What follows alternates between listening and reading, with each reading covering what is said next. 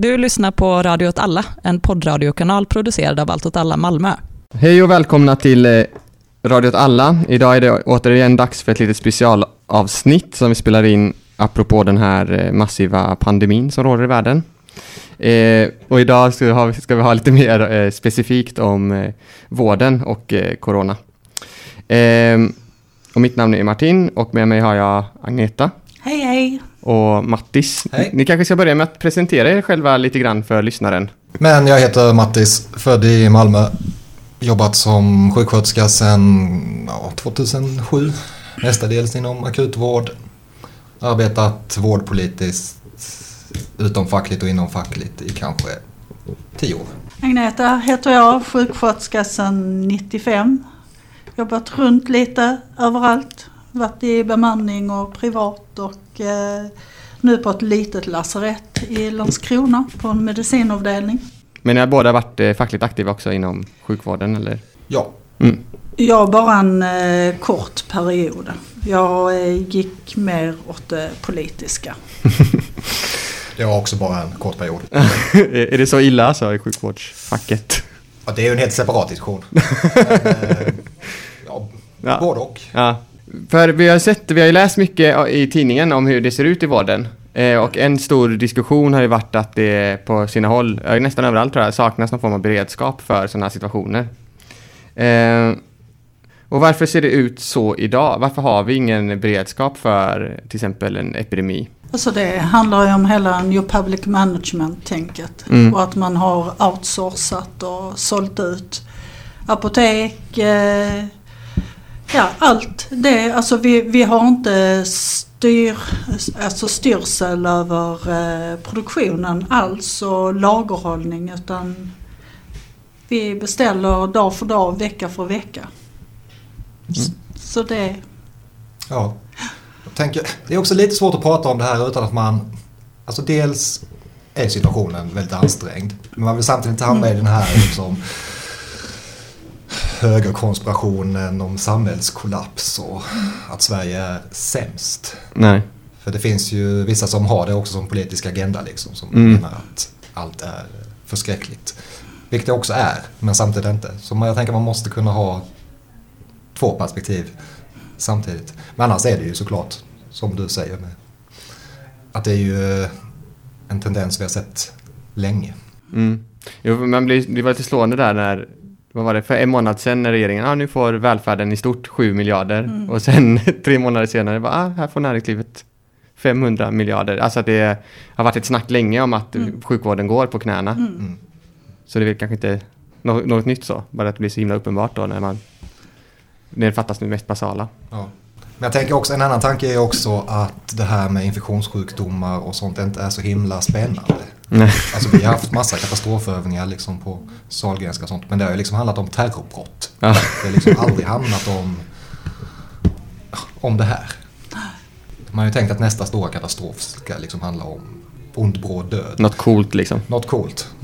För det är ju det är ju ganska coolt med akutsjukvård. Ja. Det är ju den bilden ja. vi har liksom. Om man titt, för det var inne på det här att det är en eh, hög konspiration, men det är väl ändå så att det, att det, eh, att sjukvården länge har varit eftersatt? Ja, Folk- ja. ja själv, självklart, är, Ja. självklart är det så liksom.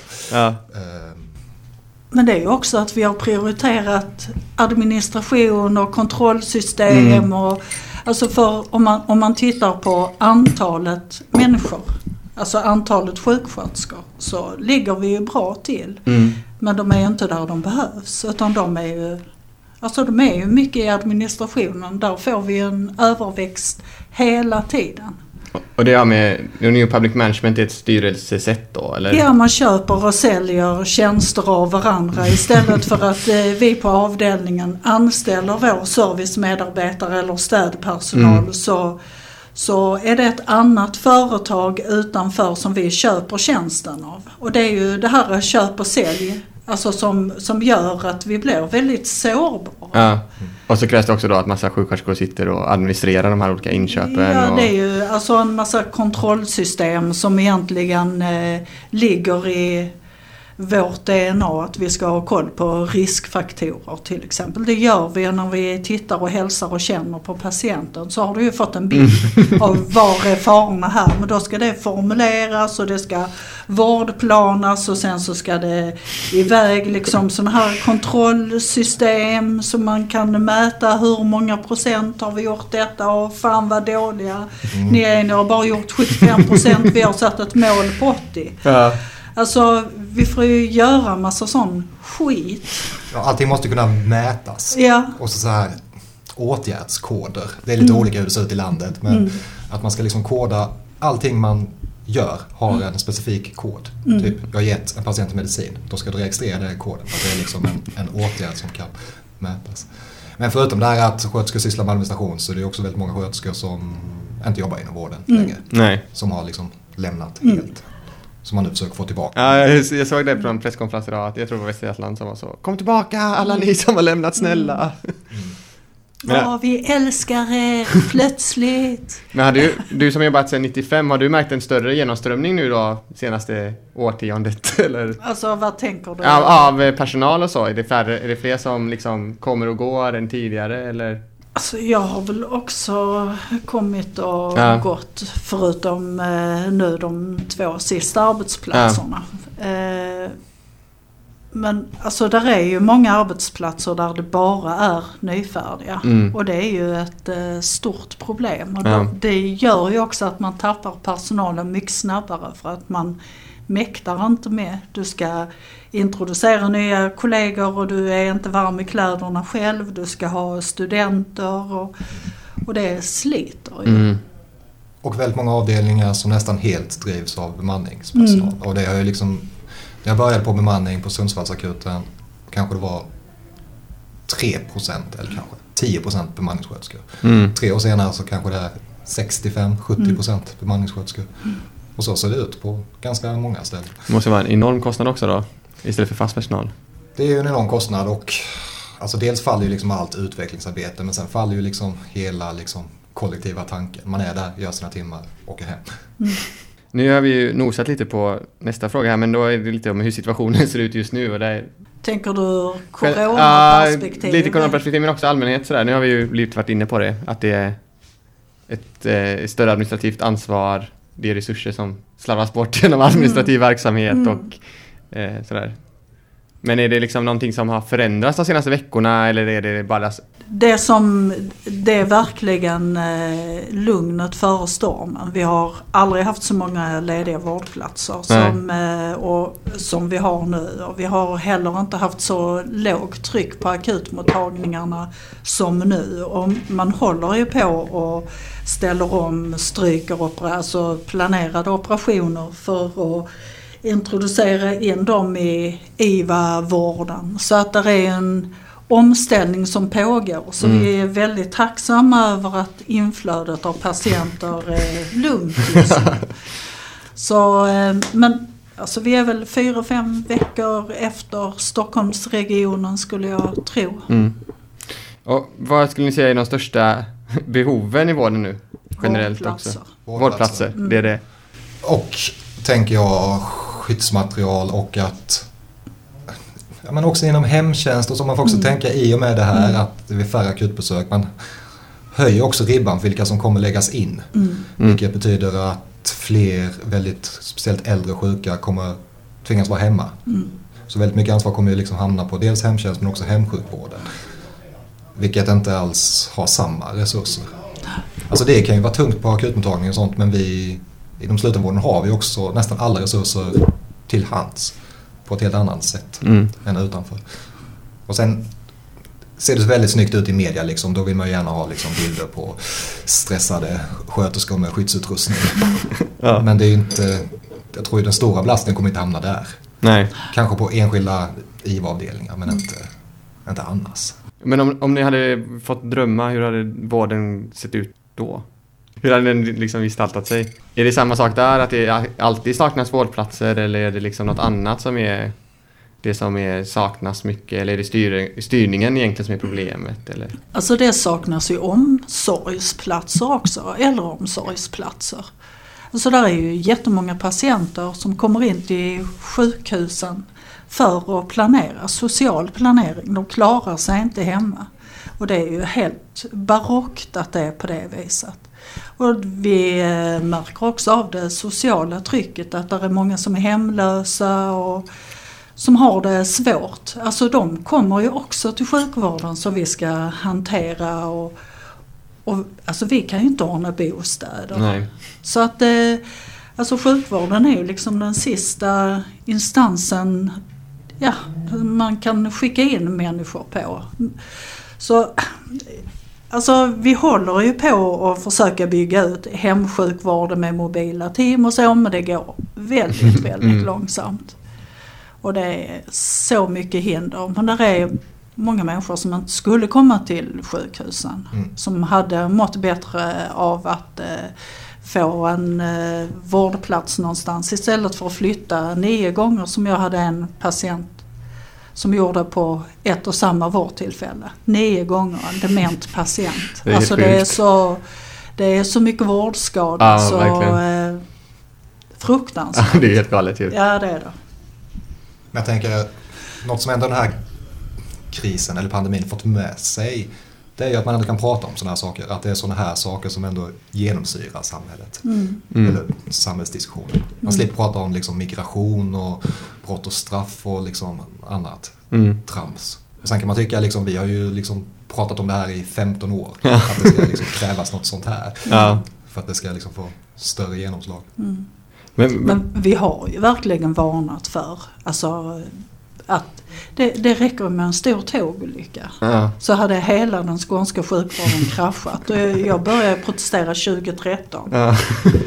Och då, eh, då sa vi, men förstår ni inte? Alltså det var en stor lastbilsolycka där det blev ett riktigt, riktigt tryck på sjukvården. Men tänk om det hade varit ett, eh, alltså ett passagerartåg som Mm. hade spårat ur.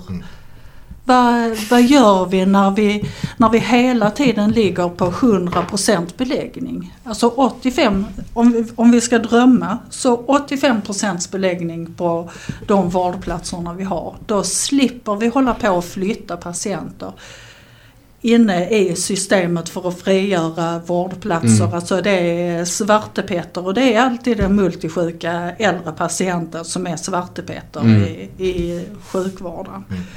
Och det är de som får flytta och de, jag som jobbar på ett litet sjukhus i Landskrona, vi tar emot patienter på nätterna. Alltså som har legat på en avdelning i Malmö, Helsingborg, i Lund och sen så behöver man då den vårdplatsen till någon från akutmottagningen. Och då är det demente eh, Olle som får flytta och komma till ett annat sjukhus mitt i natten. Mm. Det händer varje natt. Alltså så det här är inget som är unikt utan varje natt flyttas patienter. Mm. Multisjuka är. Ja. Så var det också. Alltså jag har ju skickat jättemånga patienter från eh, akuten i Lund till, till er, Mm, tyvärr. mm. Men kommer de från akuten så tycker jag det är helt okej. Ja, fast Men då... när de ligger nerbäddade i en säng Mm. och rycks upp därifrån, då tycker jag det är värre. Ja, det är faktiskt. såklart mycket värre. Men det är också kul, eller inte kul, men det är också lite ironiskt för vi har också haft linkonsulter Mm. eh, på Sahlgrenska. Som också bara, alltså ni kan ju inte ha den här beläggningen. Alltså det, det måste finnas luft i systemet. Mm. Som har just tyckt, alltså ni borde ju liksom ha 80% Mm. beläggning. Mm. För att er verksamhet ska kunna fungera optimalt. Och liksom när sådana säger det, man bara, nej. Ja, men då blir den ju effektiv. Ja. Alltså det är ju när vi hela tiden är uppe på så blir den ineffektiv och tung och rodd. Alltså alla sliter och alla skäller och jag kan inte ta emot fler. Alltså det blir ju Mm. det blir konflikter i, i arbetslagen också som är totalt onödiga. Så det är drömmen. En eh, rimlig beläggning. En rimlig beläggning. Mm. Vilket också har skapat lite utrymme att kunna hantera sådana här situationer Mm. utan att det blir liksom helt, Mm. Mm. helt kaos. Mm. Och också då en bättre hemsjukvård kanske. Ja, att vi, eh, att vi riggar upp ett system så att Alltså det, för det ska ju inte vara så heller att man eh, lägger över ansvaret på de anhöriga. Nej. Ja. Så att, eh, för det, det är ju risken med vården hemma. Och alla vill inte bli vårdade hemma heller. Så Nej. då måste man bygga äldreboende. Det är ju en sån tendens. Det har man ju sett. LO gav ut en rapport för ganska länge sedan, kanske 2008.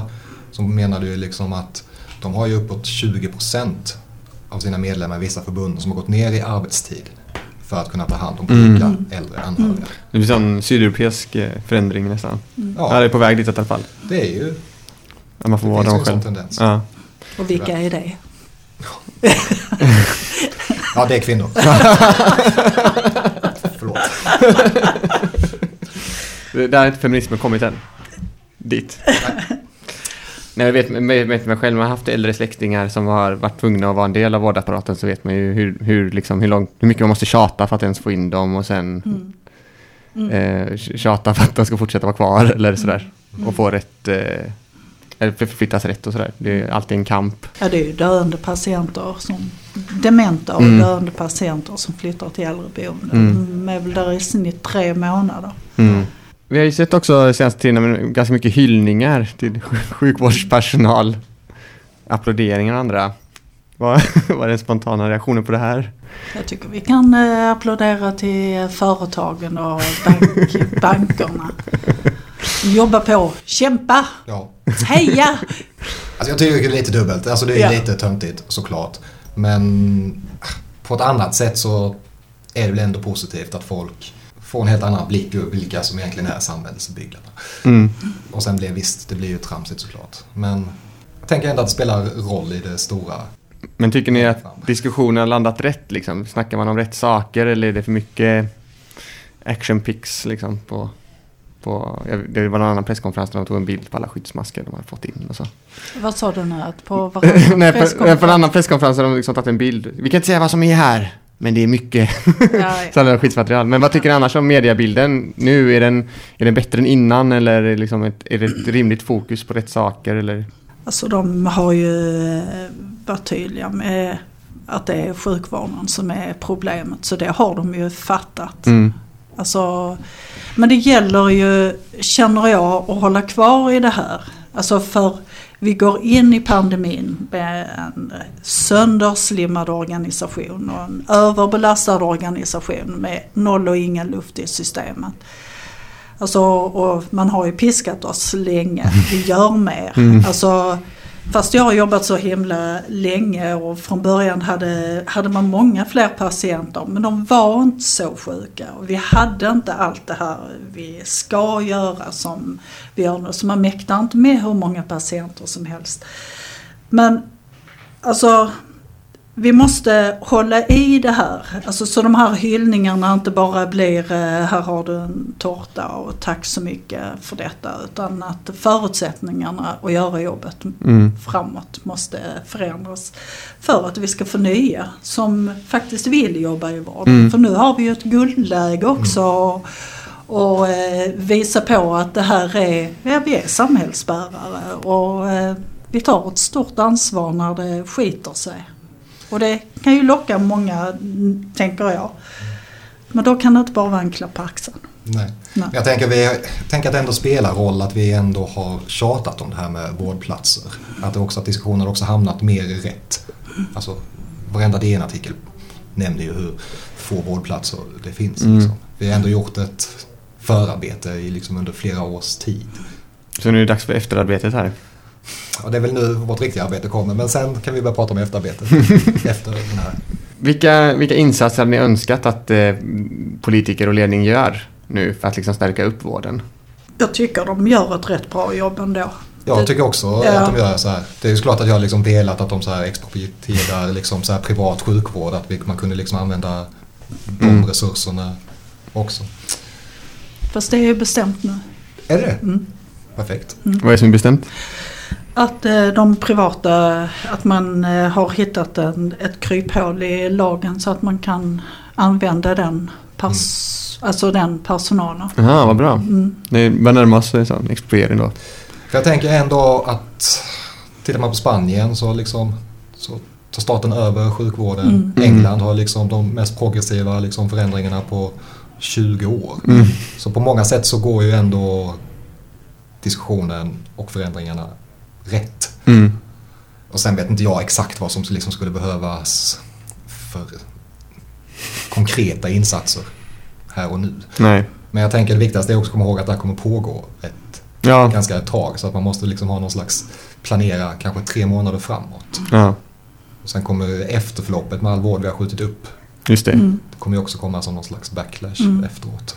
Ja, det kommer det ju verkligen till att göra. Mm. Men jag, jag tänker att eh, de som är marknadsliberala och tror på hela den idén, de har ju verkligen fått ett slag i ansiktet.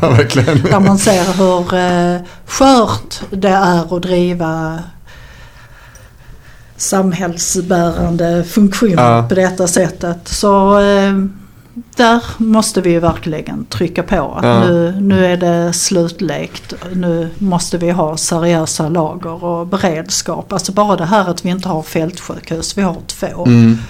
Och sen har man eh, gjort någon Modul annan, eh, kallar de det. modul eh, Ja. i Helsingborg. Ja. Visst det är ju jättebra, alltså man, man jobbar ju på som fan men, men man skulle haft en större beredskap överhuvudtaget. Mm. För det här är också, men de pratar ju också om att pandemier kommer komma nu i och med miljöförändringar och en Mm. globaliserad värld och sådär. Att det, det här är liksom bara första, Mm.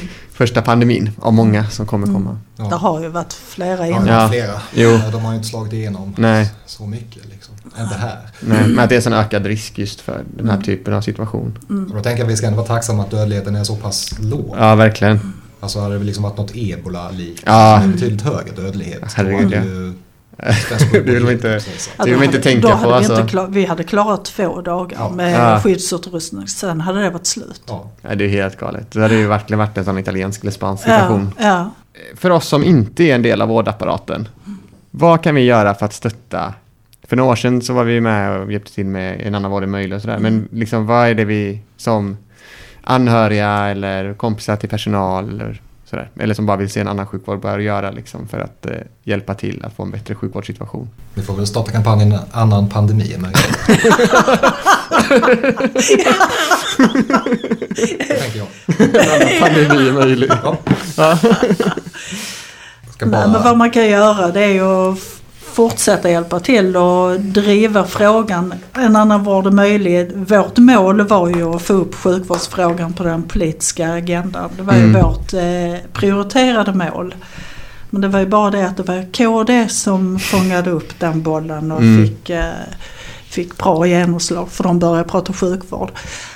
Alltså folk har ju inte en aning heller om vem det är som driver sjukvården. Nej. Inte ens idag utan eh, oh, vad gör Stefan Löfven? Men han gör inte ett skit med- sjukvården. Han styr inte över Nej. den utan det gör regionerna. Ja. Så där har vi en eh, En viss grannlaga- utmaning i Skåne ja, också. Ja, ja, verkligen. Och bara titta Stockholm. Mm. Hur är det möjligt? det är så sjukt. Alltså hur man har misskött sjukvården något så kopiöst. Mm. Och ändå får de sitta kvar. Hur är det Ja, möjligt? det är helt galet. det är helt galet så att faktiskt. eh, det behöver vi hjälp Ja. med. Och medvetandegöra vem det är som styr. Mm. Och, ehm, Jag tänker också att vänstern, vi har ju, all, vi, vi har ju rätt. Mm. Och jag tänker att, att det är också de perspektiven som behövs, att ligga liksom på. Mm. Vilka är det som har tagit de här besluten? Mm. Alltså det är ju liksom inte, det har inte blivit så här av en slump. Nej. Sen- nej, det här är ju politisk Ja. eh, vilja. Ja. Mm. Ja, det är ingen naturkraft sådär att ha New Public Management-sjukvård. Nej. Nej. Och sen rent praktiskt så vet jag inte. Nej. Jag tänker att det kommer ju visa sig. Men jag tänker att det liksom är grannsamverkan och allt sånt är oerhört viktigt och kommer också bli mycket viktigare Mm. längre tiden går. Mm.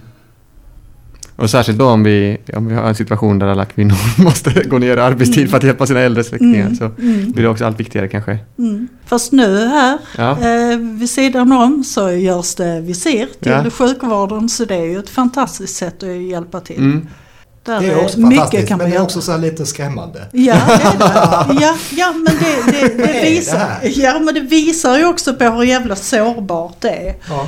Och att man, man kan inte driva sjukvård på detta viset. Så att vi ska vara här i en lokal och tillverka visir för att vi inte har lager på det.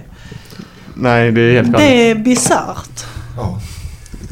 Men ska vi avsluta med de bisarra orden då? Ja. Talande för det. Alltså det är ju helt bisarrt. Ja, och så hoppas jag att vi kan ha en podd när det är lite gladare stämning kring sjukvården i, i Skåne och i Sverige. Ja, det ska vi ha.